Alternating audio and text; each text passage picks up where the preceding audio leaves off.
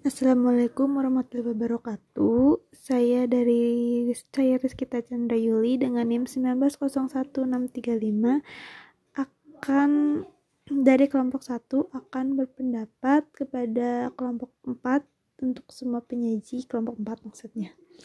Nah, kelompok 4 di sini menjelaskan mengenai hmm, kewarganegaraan sebagai fokus kritis studi sosial.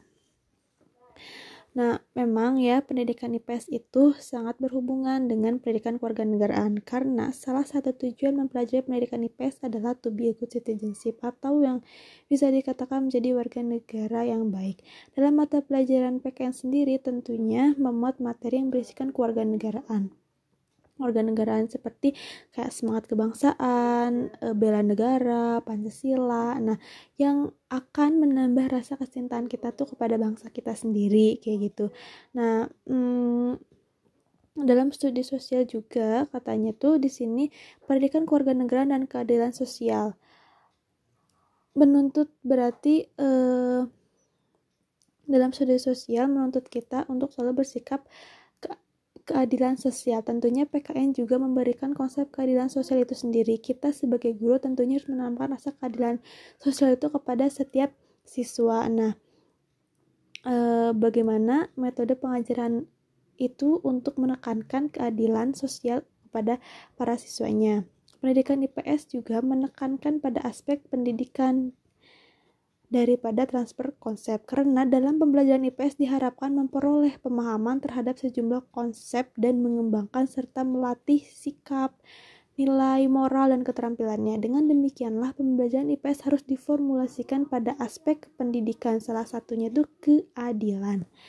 Selain keadilan juga ada interaksi. Nah, interaksi ini juga bisa kita lihat dalam pelajaran IPS yaitu sosiologi, misalkan terus ada keragaman, kesamaan kayak gitu tuh ada dalam antropologi, juga nasionalisme itu bisa uh, kita lihat dalam pendidikan kewarganegaraan.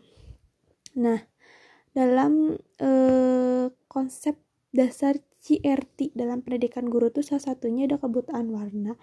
Namun kebutuhan warna itu katanya uh, jadi guru itu tidak boleh memandang atau uh, apa ya memandang berbeda gitu dari setiap latar belakang siswanya atau yang disebut rasis kayak gitu nah guru itu harus menyamaratakan semua siswanya baik dari latar belakangnya ciri fisiknya juga harus menanamkan uh, menanamkan agar ke siswa itu tidak rasis itu bagaimana.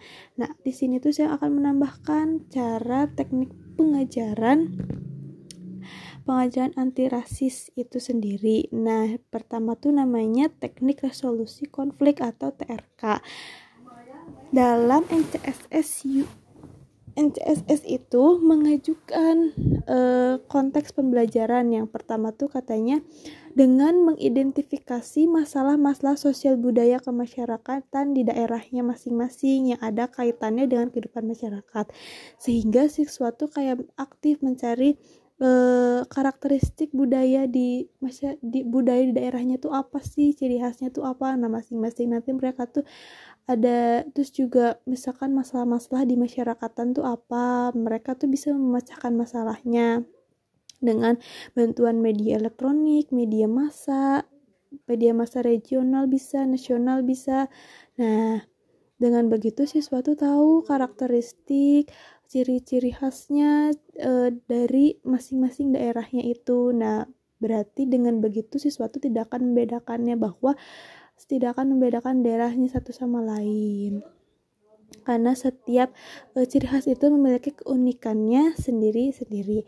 Nah, dengan begitu saya ingin bertanya sih kepada kelompok 4 B kelompok 4 untuk semua anggotanya, semua penyajinya bahwa tadi disebutkan Ancaman integrasi terbesar bagi PKN untuk keadilan sosial adalah kurangnya keahlian guru. Saya ingin bertanya, keahlian apa saja yang harus dimiliki seorang guru seorang guru yang pada dasarnya kita juga sebagai calon guru harus mengetahui ya keahlian guru itu apa saja. Nah, tolong sebutkan. Terima kasih. Mungkin segitu yang bisa saya sampaikan. Wassalamualaikum warahmatullahi wabarakatuh. Maaf bila ada salah-salah perkataan